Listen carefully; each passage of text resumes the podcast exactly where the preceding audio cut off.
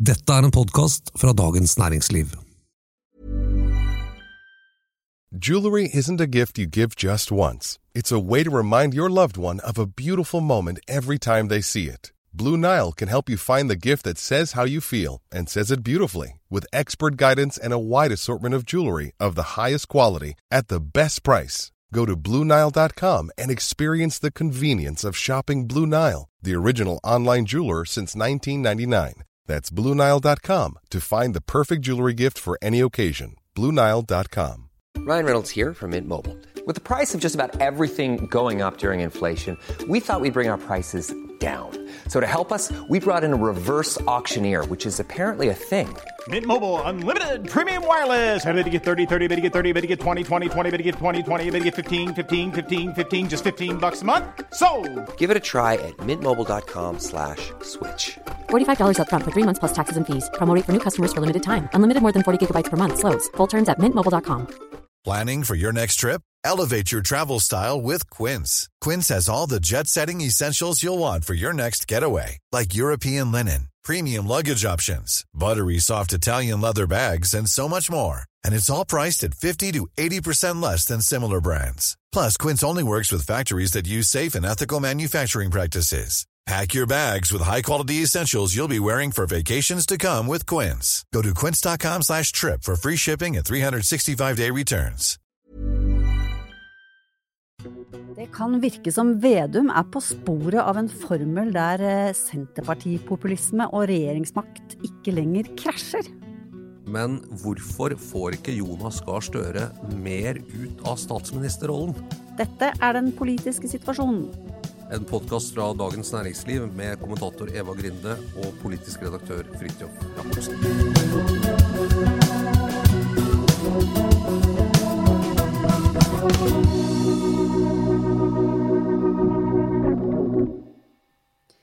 Hallo. Da skal det handle om eh, en av våre favoritter. Nok en gang Trygve Slagsvold Vedum. Ja, han er finansminister, og dermed i utgangspunktet veldig interessant for Dagens Næringsliv. Absolutt. Du, du sa i begynnelsen her at, at du mener han har funnet en formel for hvordan han kan være eh, finansminister og Senterparti-politiker. Eller populist, eller liksom sånn. uh, uten at det krasjer. Hva mener du med det? Jeg sa kan se ut som han er på sporet av noe. Det, det, det ser i hvert fall ut som de har liksom eh, kommet litt i gang med en strategi. Ikke sant? Det var jo veldig lenge så, så, så har vi jo lagt merke til hvor utilpass Trygve Slagsvold Vedum har følt seg i rollen som statsminister. Ikke sant? Fra å reise land og strand og tjene masse oppslutning og støtte på det ved å love det ene og det andre og det tredje. Nå, nå sa du statsminister, men du mente finansminister. Jeg mente finansminister. Ja, han ville jo gjerne bli statsminister, og vi har ikke glemt det. Ja, så- ja, nei, det var kanskje så, sånn ja, slipp av det tang. Ja, men jo, Nei. følte seg ukomfortabel som finansminister. Ja. Ja, ikke sant? Eh, fordi eh, for det første så er det en helt annen rolle, og det, liksom, det handler om å si, si nei i stor grad. Og så i tillegg så, så fikk de jo en ganske drøy start. Um, men nå, nå begynner han liksom å liksom å anta litt sånne der gamle former igjen. Altså, det var et sånt svært uh, oppslag i Klassekampen, var det vel, på tirsdag denne uken. Eh, hvor liksom overskriften var 'Får du en telefon fra en PR-rådgiver, så legg på'. Eh, så det var, det var liksom et, en oppfordring da til eh, alle politikere om å, om å ikke, ikke høre på PR-rådgiver. Ja, det var vel nærmest en instruks til Senterpartiets politikere at de fikk ikke lov å snakke med First House og Ja. Sync og Corporate Communications og Ja. disse eh, ja, og kommunikasjonsbyråene. Ja, og det er jo det er liksom god gammeldags. Men der ble det jo en del diskusjon, for jeg bare, jeg bare så at det var veldig mange som Hallo, eh, de er ikke så dumme at de på en måte ringer opp og sier hei, det er fra PR-byrået, kan jeg få lov å påvirke deg litt? Det er ikke helt sånn det foregår. Men, eh, men, men altså, beskjeden er jo veldig effektiv, ikke sant? Det er eh, det, det er jo på en måte Ja, man skjønner han, hvor han vil hen. Eh, enkle, klare utspill, det kjenner vi igjen. Ja. Ja det, det er noe med at en finansminister er jo en rolle som ofte skal si nei. Det, det er vel sånn vi ser på det. Finansminister skal si nei. og De skal si veldig mye nei internt i regjeringen. Alt skal være nei til alt som, som har penger å gjøre. Jeg er i hvert fall nødt til å si nei ofte, fordi alle vil selvfølgelig ha Eller de fleste, bortsett fra Ola Borten Moe, som helst vil, vil liksom kutte ned mest mulig på sitt eget uh, departementsbudsjett, så vil de fleste ha mest mulig penger til sine ting. Ja, for, fordi jeg tror en av grunnene til at eh, Vedum har slitt litt, og partiet generelt, var jo at det første store pengespørsmålet eh, var jo hvor mye eh, norske husholdninger skulle kompenseres for, for, strømprisene. Og der, det jo, eh, der blir det jo presset liksom, til å gi mer og mer. Så, eh, sagt flere ganger I dag har vi jo en ordning som er relativt raus, men den er liksom de ble vel oppfattet som at de sa nei hele tiden. ikke sant? At eh, de ville bare gi litt, og så ble de pressa til å gi mer. Men, men, det Vedum har gjort de siste ukene, er vel at han har funnet ting å si nei til som passer for Senterpartiet. Det er akkurat det. Uh, og særlig da store uh, offentlige byggeprosjekter.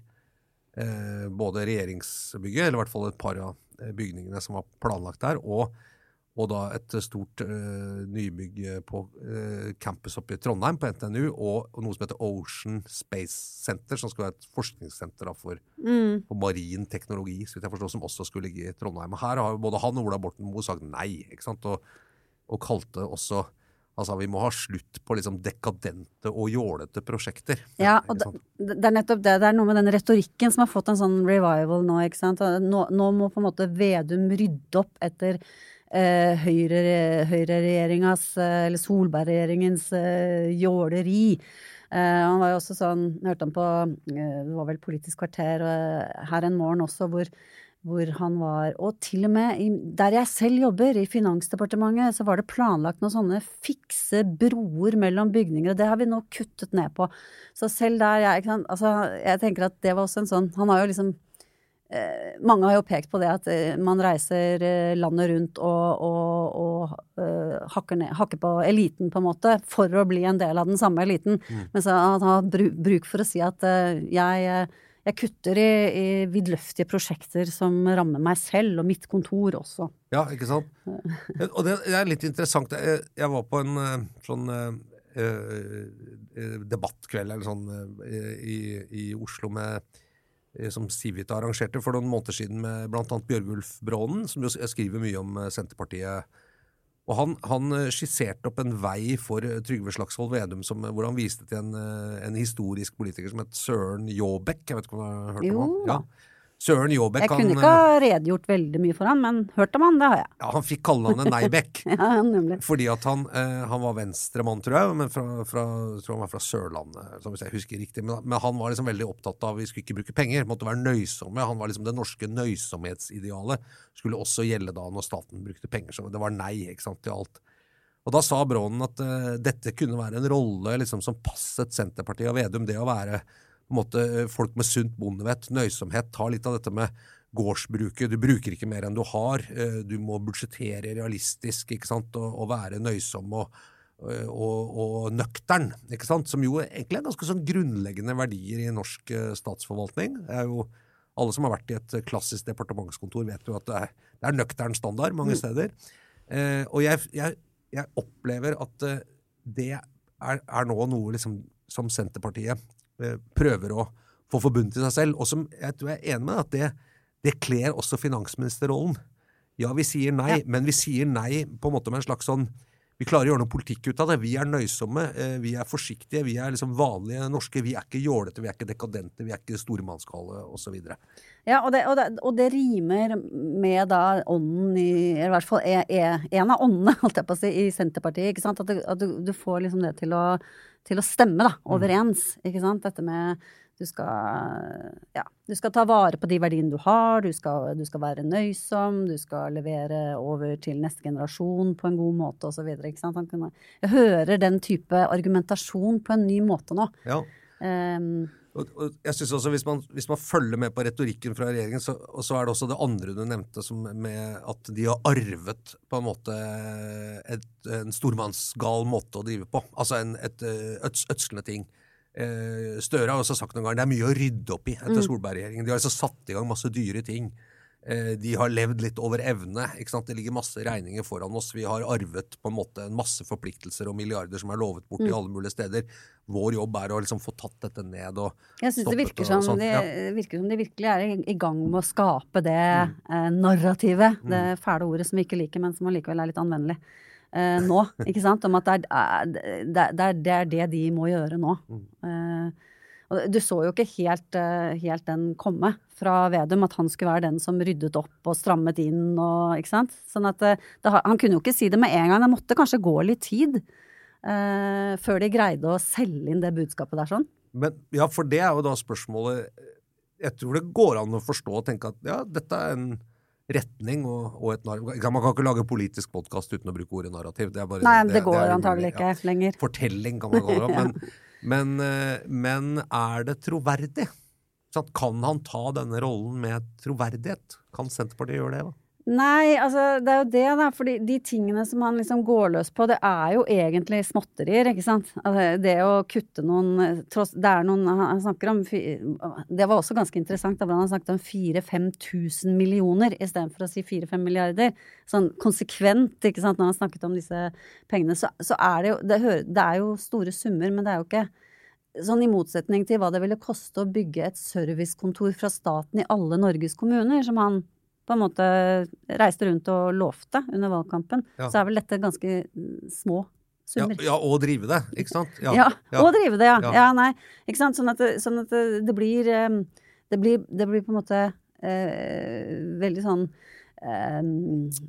retorikk som går hjem, ikke sant? Altså, man skal ikke sløse med penger. De fleste er jo enig i det, at hvis man, hvis man virkelig har gått helt av staget her, og man snakket om en sånn ventilasjonsanlegg i de nye regjeringslokalene som skulle koste 2,2 milliarder, det høres jo veldig mye ut, ikke sant? Det, er- men, men eh, det er jo ikke der de store pengene ligger. Det. Og det er ikke der han eh, 2200 millioner, ikke sant? Ja. 2200 millioner. Ja, nei, eh, Mhm. nei, for det, det er jeg litt uh, spent på. Nå, nå er det jo et særtrekk synes jeg, ved politikk at hva som blir politisk virkelighet, trenger ikke alltid å, å være i synk med den virkelige virkeligheten. Eh, den politiske virkeligheten. Nei, men altså det. Nei, nei, men jeg bare Ja, men er du ikke enig? Jo, men hvilken, hva, hva tenkte du på med politisk virkelighet? Nei, altså det som folk kan tenke sånn Ja, sånn er det. Ikke sant? Altså, ja ja, jeg kjenner meg igjen i dette.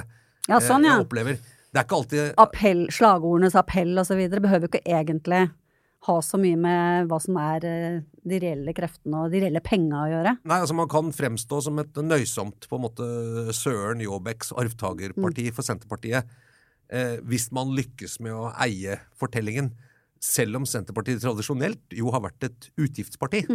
Altså, si noe og et noe annet, er det du snakker om. Ja, Gapet mellom det du sier og det du gjør. ja, ikke sant? Fordi at, fordi at det, er jo, det er jo det politikere eh, altså det, det er jo det som er litt uh, interessant med politikk, er at det, det er ikke bare en beskrivelse av virkeligheten, det er en fortelling om virkeligheten. ikke sant? Og, det, og, det, eh, og Senterpartiet har vært veldig gode på det. Det var jo en masse problemstillinger som ble trukket opp i valgkampen av Senterpartiet som de virkelig store problemene i Norge. Så hvis du begynte å se på det, f.eks. at det går veldig dårlig i Distrikts-Norge, så så man på veldig mange kommuner Nei, det går ikke dårlig.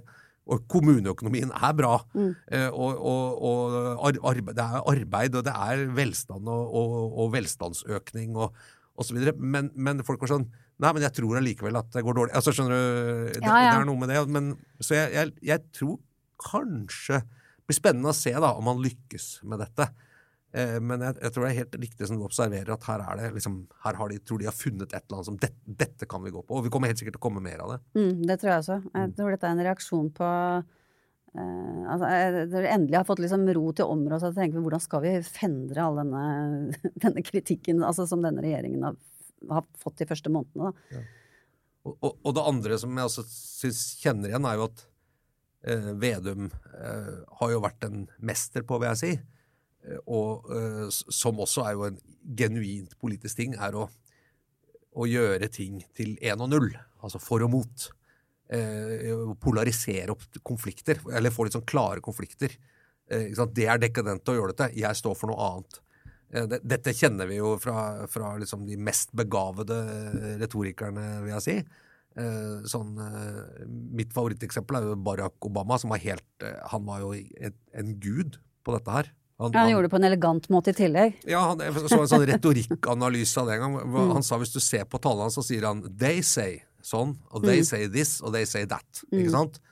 Og 'but we say', og så kom det noe annet. Alt var liksom Amerikansk politikk er jo veldig todelt, men han var veldig inne i det. Og, og det slagordet som Michelle Obama 'when they go low, we go high'. Mm. Altså, ikke sant? Det er en sånn Det er via dem. er du på den siden eller den Mm. siden? Ja. Og, og Vedum har jo vært eh, Dette har jo han et ufattelig talent for. Eh, og, og på en måte dele folk inn i liksom vanlige folk og underforstått ikke-vanlige folk. ikke sant? Og, ja, og de tingene. Og, Det kunne vært interessant en sånn analyse av liksom, eh, innvirkningen av Obamas sånn vi og dem-retorikk, og hvordan det beretter grunnen for uh, han som kom etter han. Altså, Ja, ja. ikke sant? Det, Ja. Obama er fortsatt den store helten, og, og Trump selvfølgelig ja, det han er. Men uh, ja, for da, da alt henger Hillary, sammen med alt, som det heter. Hillary Clinton skulle prøve på det, så kom hun jo den derre deplorables, ikke sant. Ja. Eh, Men, men, men det er hvis, du- hvis du liksom går inn og ser på budskapet, så er han eh, Så er Særlig det at det liksom er tre og tre, det er jo veldig sånn for en retorikkprofessor som er veldig sånn klassisk aristotelisk grep da, i retorikken, men, men også det at det, det er alltid et alternativ, ikke sant? og som gjør at du blir fristet til å si at 'jeg vil være på din side'. Eh, og, det, og det skal, mener jeg Vedum skal ha for. Der, der syns jeg kanskje han er har vært den beste i Norge akkurat på det, som er en viktig del av politikk, mener jeg. Altså. Jeg syns ikke det er en bra ting å forenkle verden i, til, i så stor grad at du ikke sant? Nei, vi vil i hvert fall ikke Altså hvis det eneste alternativet er enten være nazist eller være med Vedum, eksempel. så, så er vi jo enige at vi vil ikke være nazist. Ja, nå, nå hinter du om Senterpartiets mørke fortid under krigen, ikke sant? Men, det, Nei, eh, men det er jo en øvelse, ja. Nei men, nei, men det er jo satt på spissen, men samtidig er det jo sånn eh, når, vi, når liksom valget i Norge står mellom en borgerlig og en på en måte ikke-borgerlig regjering, da, eller rød-grønn regjering, så, så er det jo sunt av og til å få opp Dette er vi uenige om, det er mye vi er enige om, men her går det et skille, ikke sant? Mm. Ja, det er absolutt det er det. Men uh, derfra til sånn ren forenklende populisme Ja. Det kan være gøy, men uh, hvor bra det er for samfunnet, det vet jeg ikke. Nei, men uh, det, det funka jo for Vedum. Vi får se nå, da. Hva, hva tror du selv, da? Om Nei, om denne nye ikke sant? Vi, vi Ja. sparer eh, vi, nå, vi, nå er det slutt på jåleri, nå skal vi liksom, nå bli vanlige, nå skal det være nøkternt. Eh, hva tror du? Tror du, det, tror du det fenger? Tror du det kan gjenopprette litt av det, alt det han har tapt? Vanskelig å si, men, men sånn som jeg var inne på i stad, altså foreløpig så er han jo på litt sånn symbolsaker, da. Så, så det spørs hvor, hvor villige og glad vi er i å la oss lure av han en gang til. Mm. ok. Ja. Ja, men Hva eh, tror du? Lett å spørre. Nei, jeg, jeg tror eh, jeg tror at sant, En del av problemet hans er jo at han har eh, mistet mange av de velgerne som stemte på han i valget. Og det er kanskje fordi de ikke kjenner han helt igjen, eh, som, som på en måte likte å identifisere seg med hans syn på samfunnet. Eh, så, så jeg tror dette kan kanskje mobilisere noen av Noen dem av dem, tilbake. ja. Mm. eh, som sier endelig er det liksom det vi kjenner igjen. Og, og akkurat det prosjektet at nå må det være slutt på liksom sånn eh, overklasseaktig pengebruk eh, i Oslo og sentrale strøk.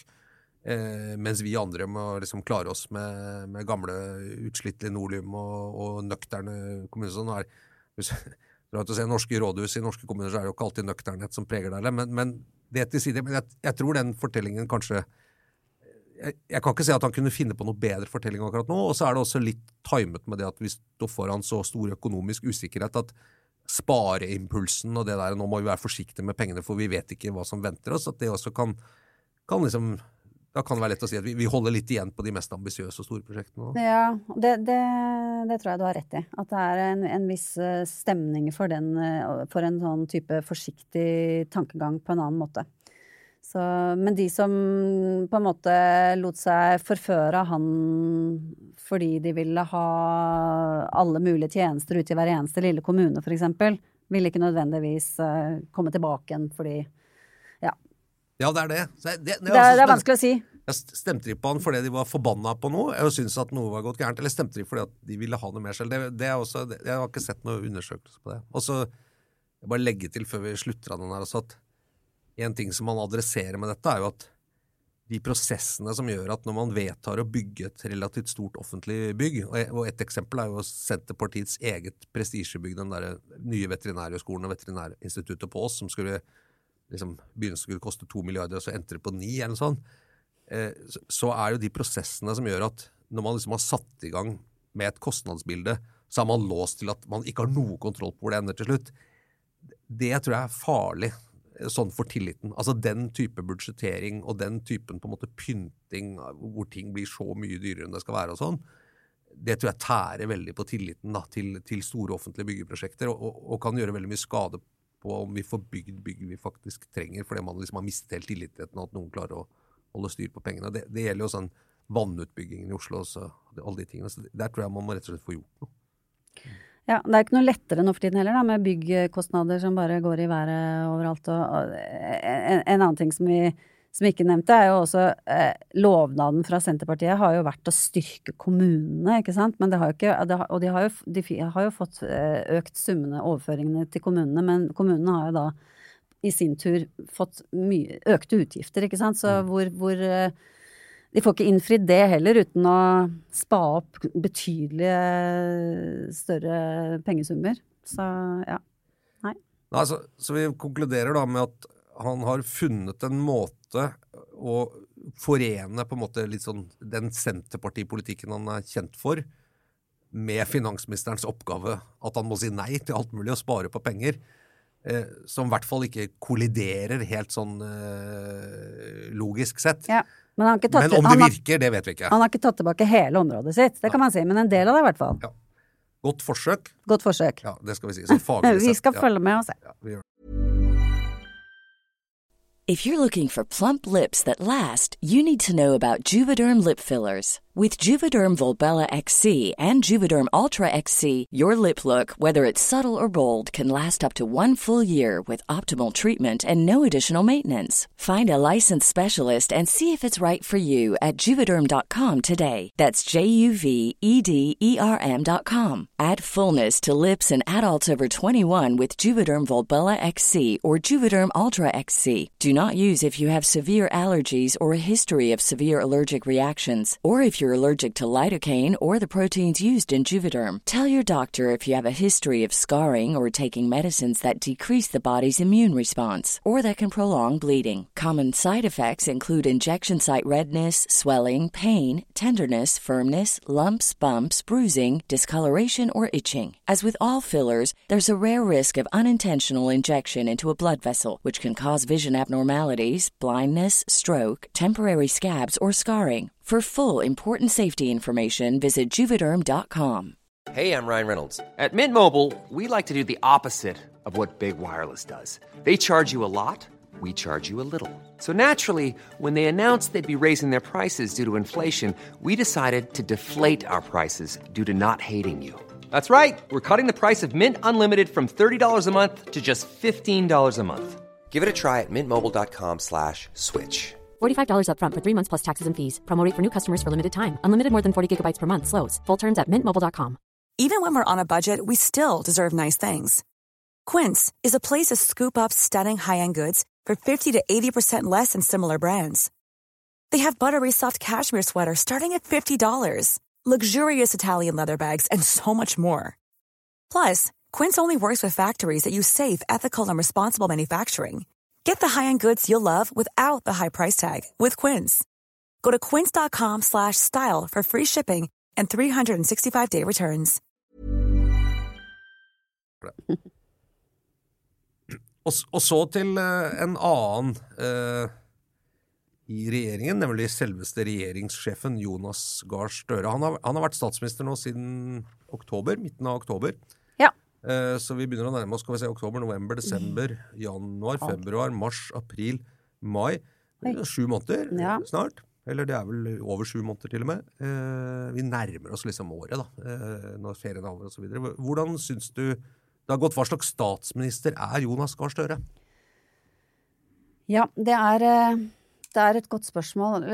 Man kan ikke la være å tenke sånn Først så var han en sånn statsminister som løp unna alle de kritiske spørsmålene for hvordan han taklet kriser og Eh, og så var han en statsminister som syntes det var utrolig ubehagelig å få, å få, få spørsmål om sine egne i partiet og pendlerboligskandaler osv. Altså, var litt defensiv um, til å begynne med. Og så kom jo uh, Ukraina-krisen. Og man kunne forvente at uh, Jonas Gahr Støre eh, Hva skal vi si? Steg opp som en stjerne. Gjorde han det? Ja, jeg er litt usikker. Det, dette har jeg det er en ting som jeg har hatt det litt gøy med å tenke på. For, mm. for jeg har prøvd å tenke meg, å gå i meg selv og tenke sånn Ok, jeg, jeg tenker, ja, jeg har en sånn intern forestilling om hva en norsk statsminister er.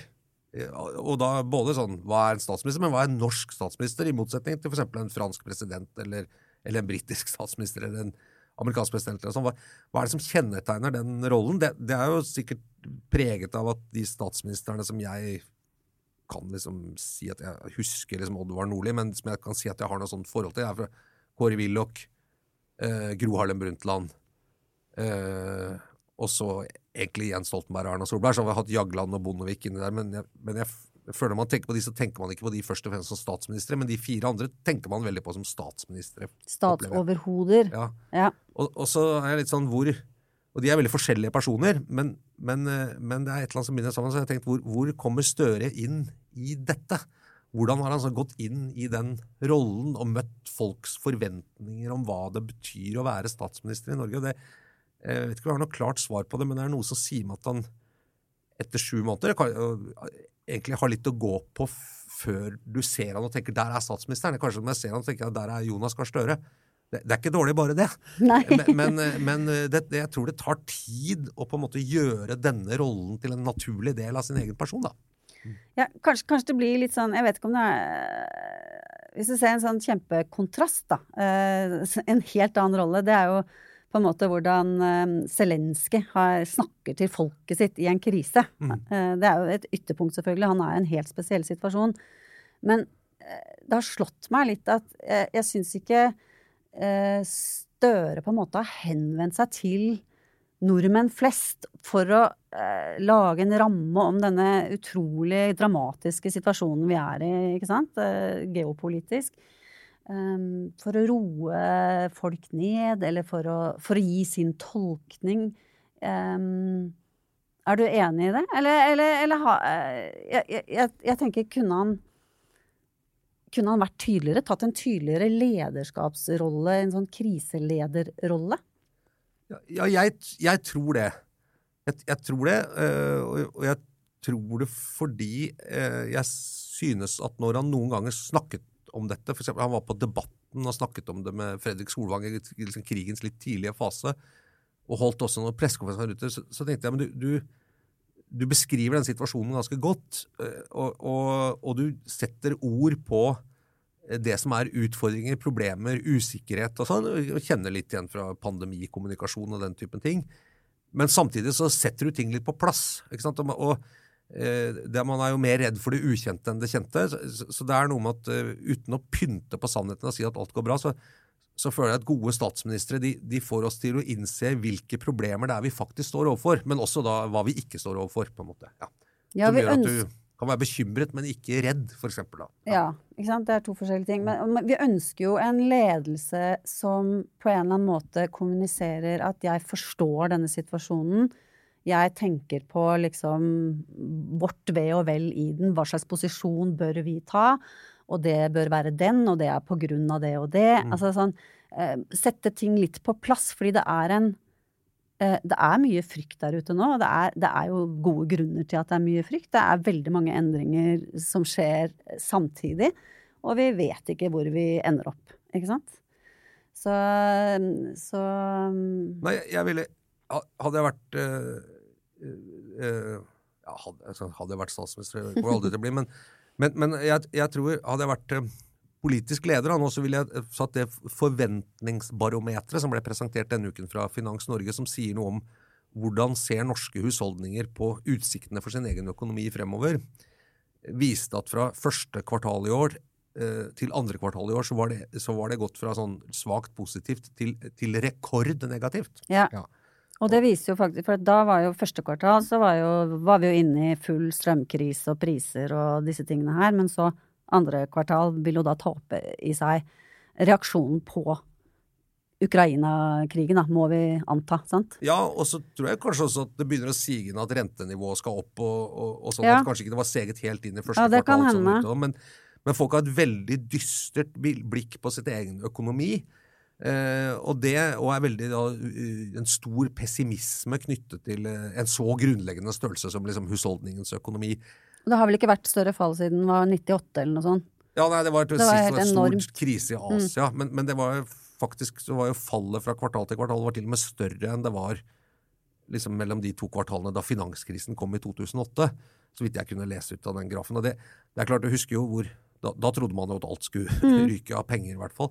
Så, så den usikkerheten, det, det tror jeg er en det, det, er, det er politisk. altså Det er noe, og, og, og den typen ting det er jo typisk en statsministeroppgave. Og, og kollega Terje Erikstad, som, som jo ser på tall og grafer og har mye erfaring fra dette, han sa at det var liksom så voldsomt pessimistisk. Det er greit å bli tøffere tider, men, men det, det, han syntes det virket litt grunnløst at man var så pessimistisk som man oppga i den oversikten. Ja, altså fordi eh, andre beskjeden er jo at eh, det går så det koster, ikke sant, med norsk eh, økonomi. Kjempeaktivitet, veldig lav ledighet osv. Så sånn at det er jo mange, mange ulike signaler, men, så derfor så er det ganske overraskende at på et vis da, at, vi, at nordmenn er såpass pessimistiske med tanke på sin egen økonomi. Og det er nærliggende å tenke at det har å gjøre med at, at denne usikre verdenssituasjonen treffer folk på en annen måte enn dem vi kanskje helt har skjønt. Ja. Og så, så, merkelig beskjed, ikke sant. Vi må En krise truer. Vanlig respons da er å si vi skal ta vare på dere. Vi hørte pandemien i to år. Ja, dette blir fælt, men vi tar vare på dere økonomisk. Så penger, det er, ikke- penger er ikke noe issue. ikke sant? Vi skal, og nå sier man en krise truer. Nå er det viktig at vi strammer inn livreima. Ikke sant, du skjønner? Altså, nå, nå, må- rentene opp, du kommer til å få dårligere råd, prisene øker, men du må, det er noe med dette er, en, dette er en utfordrende fortelling, og, og mener jeg kanskje en statsministeroppgave å komme. Men så, men så skjønner jeg også Jeg tror liksom det derre å bli statsminister, i hvert fall de, de to jeg har sett på nærest hold, da, Jens Stoltenberg og Erna Solberg, brukte begge ganske lang tid. Nå, nå tar vi det for gitt. Når Jens Stoltenberg snakker nå, så er vi sånn ja, han, han snakker som en statsminister fordi vi er vant til å se han i rollen. Men han var, han var ikke sånn fra Nei. 2005. Det tok en del år. Og i hvert fall ikke Erna Solberg. Nei, og Erna Solberg også brukte tid på det fordi at jeg tror det er Det er noe med sånn det er, det, er noe, det er ikke helt menneskelig å tenke liksom at man skal inn i den rollen. Altså Det er noe med beskjedenheten. Å si at liksom, hallo, at, eller det at du kan ikke helt være deg selv. Du må jo bli en annen. Det kan kanskje minne litt om å være monark. Det er Altså, en rolle Ja. i enda større grad enn andre statsråder. Det er jo derfor de diskuterer nå, sånn som eh, Mette Fredriksen i Danmark, som nå skal lage sin egen skravlepodkast, liksom. Går det, er det forenlig med å være statsminister? Ehm, fordi du, du skal på en måte heve deg over I hvert fall partiulikheter, ikke sant? Eh, og, og være leder for hele nasjonen. Og helst tenke deg om Altså, det gjelder jo all, alle ledere. Folk har jo, en, en, har jo liksom enorme antenner ute for å høre hva sjefer til enhver tid sier, fordi det har så mye å si for deg, altså den, hva din overordnede mener. Og eh, igjen, ikke sant, en statsminister, eh, hva han mener og tenker og sier, det har veldig mye å si for veldig mange mennesker. Sånn at eh, Og, det, og det, det liksom Den rolleforståelsen er jo uh, veldig viktig. Ja, og så er, er det jo også noe utfordrende med det er at sant, en vanlig konsernsjef eller en sånn type ting, og det er jo grunnen, ikke sant, når de kommer ut og sier noe, så er det veldig skripta, det er, det er veldig planlagt, ofte veldig kjedelig, veldig flott. Poenget er å liksom ikke si noe. Det blir litt sånn sentralbanksjefrollen, ikke sant, ikke Bortsett fra Nicolai Tangen, han har også sin egen podkast. Ja. Men han er litt sånn uvanlig. Men det, ja, men det er litt annen, eh, litt annen rolle. Men, men, men som statsminister har du også så dårlig tid, og du må jo kommunisere så mye så fort. Og du, det er så mange ting du må komme på så fort at jeg tror det er sånn Og det skulle jeg gjerne hørt om, det er ikke så mange å ta da, som har vært det. Hvordan, når er det du skjønner at jeg må være statsminister hvor jeg er meg selv, men jeg kan liksom ikke være helt meg selv. Jeg må få min egen personlighet og min egen ting til å smelte sammen med en veldig sånn opphøyd og spesiell rolle som gjør at at jeg trives i den rollen og føler at jeg ikke må forstille meg eller være Og har- unaturlig. Og dermed har troverdighet. Og dermed har troverdighet. Hvis du ikke gjør det, så ja. Men belønningen er jo, hvis du får det til, er jo at du får veldig mye respekt for folk, og at folk i Norge tror jeg dypest sett, i hvert fall de aller fleste, ønsker å være veldig glad i statsministeren sin, selv om de er uenige med vedkommende politisk. Erna Solberg tror jeg opplevde det, Jens Stoltenberg har opplevd det. Og, og, og det og dermed, så når du liksom knekker koden, så, så tror jeg du kan få en sånn boost. altså At du føler at og, ikke sant, De liker meg. eh, Man, man blir tryggere også etter hvert. så Se på Erna Solberg. tror jeg, og se på henne, så tror jeg egentlig hun har forandret personlighet liksom, av de åtte årene. eh, blitt et litt altså hun, hun, Det er andre sider av henne selv som har kommet mye mer frem, som ikke man så så mye før. Som egentlig er en litt sånn eh, spennende utvikling. Da. Men, det, men det er ikke så lett å få det til å Forandret personlighet har hun kanskje ikke, nei, men det er, det, det er mer det å, å slippe til de som, som passer bra i rollen, da. Men så lurer jeg på litt sånn eh, Jens Stolten, Både Jens Stoltenberg og Erna Solberg hadde jo Jeg bare husker før 22. juli 2011, så, så var det veldig sånn Hvor er Jens Stoltenberg? Altså han var, han var liksom han, han var så statsmann at han var litt borte, på en måte. Han var veldig lite ute. Eh, jeg husker han var veldig usynlig. Og så, og, og, så, var, så ble vi jo rammet av denne tragedien, og hans måte å takle den på fikk jo liksom han eh, veldig opp i, i nordmenns bevissthet igjen, da, som landets leder. Kanskje noe av det samme Erna Solberg med måten hun eh, tok tak i korona, eller liksom taklet den.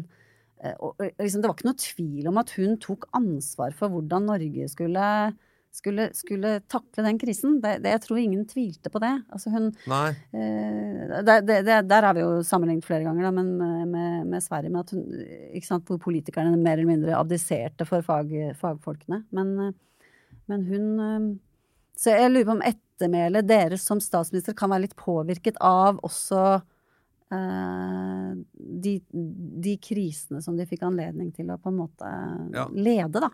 Ja, finanskrisen da, var jo også en av Stoltenbergs store i 2008-2009. Mm. Uh, ja, jeg tror jeg, men, det, men det er det er eh, interessant, det der at jeg, jeg lurer på så tenk, Det må jo altså Det blir spekulasjon, for meg, men tenk, hvis du vinner et valg og skjønner at nå blir jeg statsminister, så, så er jo det en tillitserklæring du får fra folk, og du tenker det er meg de vil ha. Altså, skjønner, dypest sett, jeg har vist meg frem. Folk sier ja, du kan ha den jobben. Vi stoler på det, et flertall sier det. Og idet du går inn i den, så blir du møtt sant, med respekt fra, både fra ditt eget kontor, fra andre i regjeringen, altså også fra folk. Det er noe med den rollen som gjør at du gjør det. Det er så mye sånn- formell makt som du skal fylle med det men så kan du ikke liksom fortsette å være deg selv. Du må, ikke sant, du, den dagen du går inn i den rollen, så må du kanskje du må, du må omdanne deg selv litt til å bli til å ikke bare være deg selv lenger, men å være statsminister. Det, Ja. Dette blir, blir litt sånn psykologisk, da. Men det er litt eh, Nei, men det du snakker om er egentlig, er egentlig ikke Altså det gjelder egentlig alle, formu, alle lederroller. Mm. Fordi, men i større og mindre grad, ikke sant? Fordi, fordi at du du er nødt til å Det er en rolle, ikke sant? Og du, du har en innvirkning og en betydning for mennesker rundt deg på en annen måte enn du ellers, enn du ellers har. Men, men det som jeg tenker er litt spesielt med Jonas Gahr Støre er jo at han ble så veldig sånn forklart. Det ble jo, eh, alle bare ventet på at han skulle få komme og ta den rollen og endelig skinne, liksom. Han har slitt, slitt som helseminister fordi det liksom, folk trodde ikke helt på at han engasjerte seg i det. Slitt som opposisjonspolitiker fordi han ikke er folkelig nok og prøver å drikke kaffe uten å få det til og alt det der. ja, slitt som Altså, partileder. Slitt som partileder fordi at han ikke bryr seg om sånn uh, nitty-gritty. Men altså utenrikspolitikk. Ja, Eh, ja, ja, sånn at ja. eh, han, han får kanskje, og det, det er sikkert han også internert? Han, han får kanskje ikke helt den derre samme eh, presset på seg til å, til, å, til å omgjøre seg til den rollen, for at han tenkte kanskje at den hadde han idet han Ja. tiltrådte. Ja. Nei, det er eh, Det er jo Vi er litt, vi er litt sånn dyppsykologi her nå. ja, ja. Det er gøy, da. Ja, og så kan det godt hende det er bra vi har statsminister som ikke bare tar den rollen med en gang. For det, det, det har noe med ydmykhet og respekt for rollen å gjøre også. At det, det, er, er ikke noe enkel rolle. Men jeg tror det, ikke sant, gevinsten når du får til Og jeg tror alle på en eller annen måte kan nesten si sånn nå. At nå, nå kan nesten si et sånt øyeblikk Å ja, nå, er, nå er hun statsminister. Ikke sant? Det er Jens Stoltenberg. Nå er han stat... Ikke sant? Det er det. Eh, og det er jo arv fra Einar Gerhardsen og en del andre store folk, dette. Men, men, eh, men når du kommer inn i det, og liksom tør å gå inn i det, eller klarer og makter å gå inn i det, så, eh, så får du jo også veldig mye politisk gevinst. Altså du, blir, du får jo bedre autoritet i regjering, du får mer autoritet i eget parti. Fordi at hvis du vinner folkets respekt og, autorit, og får autoritet hos folket, selv om de nødvendigvis ikke stemmer på deg, så vil du også stå sterkere som i det politiske, liksom daglige eh, kjøret, ikke sant? med alt du skal vinne og tape og krangle om og konflikter osv. Så, videre. så det, det, er noe med det også. ikke sant? Du så Jens Stoltenberg på slutten av sin regjeringsperiode han hadde jo nærmest uinnskrenket makt i sitt eget parti. Det ble bare sånn som han ville. Og, og det var jo nytteløst å kjempe imot. og det var jo Partiet syntes etter hvert at de, de, var sånn Det er bare han som bestemmer alt. ikke sant? Og Erna Solberg Det er ikke sikkert det er noe mål, da. Nei, men det, er, men, men det, følger litt med greiene. Erna Solberg har jo på en måte vært en slags eneveldig partihersker i Høyre også, ikke sant, i åtte år. Men det, det skyldes nok også at hvis hun ikke hadde hatt den autoriteten hos folk, eller lykkes i ja, ja. statsministerrollen, så ville hun jo ikke hatt heller den autoriteten internt. da. Så dette skulle jo gjerne intervjuet Jonas Gahr Støre om eh, når han har gått av som statsminister. Ja, det må vel, han, han sier vel ikke noe om det før da? Nei, de pleier ikke å si noe om det etterpå heller. Men, én en dag, ja. Mm. Eh, men vi fikk snakket litt om det. Det fikk vi. Ja. Eh, han har litt å gå på, var det det vi konkluderte med? Ja, det var vel det. Vi, vi tenker at han kan fylle ut den eh, dressen enda mer. Det var den politiske situasjonen denne uka. Det er en podkast fra Dagens Næringsliv med kommentator Eva Grinde og politisk redaktør Fridtjof Jacobsen. Sendes uh, ukentlig. Uh, er ambisjonen det er stort sett ukentlig. Det er ukentlig, og ja. selv på helligdager så kommer den ut. Uh, og vi blir glad hvis du abonnerer hvis du ikke gjør det, eller hvis du sprer ordet hvis du tror andre også kan ha glede av det. tekniker denne uka har vært, har vært Oskar Bremer. Ja. Small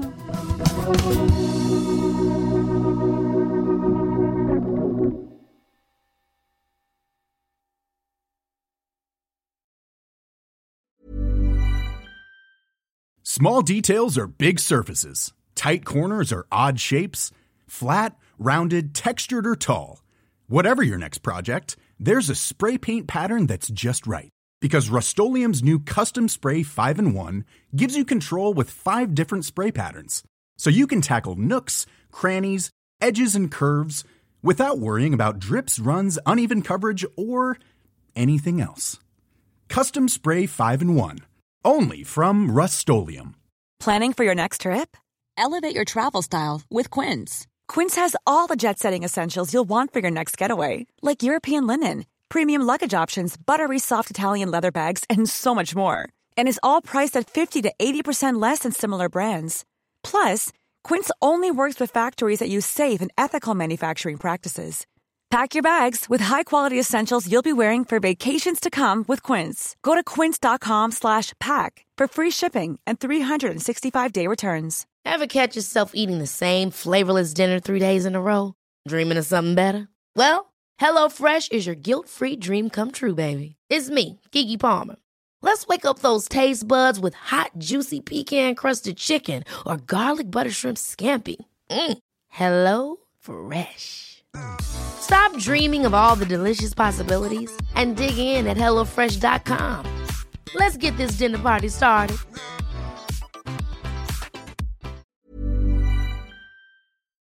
Du har nå hørt en podkast fra Dagens Næringsliv.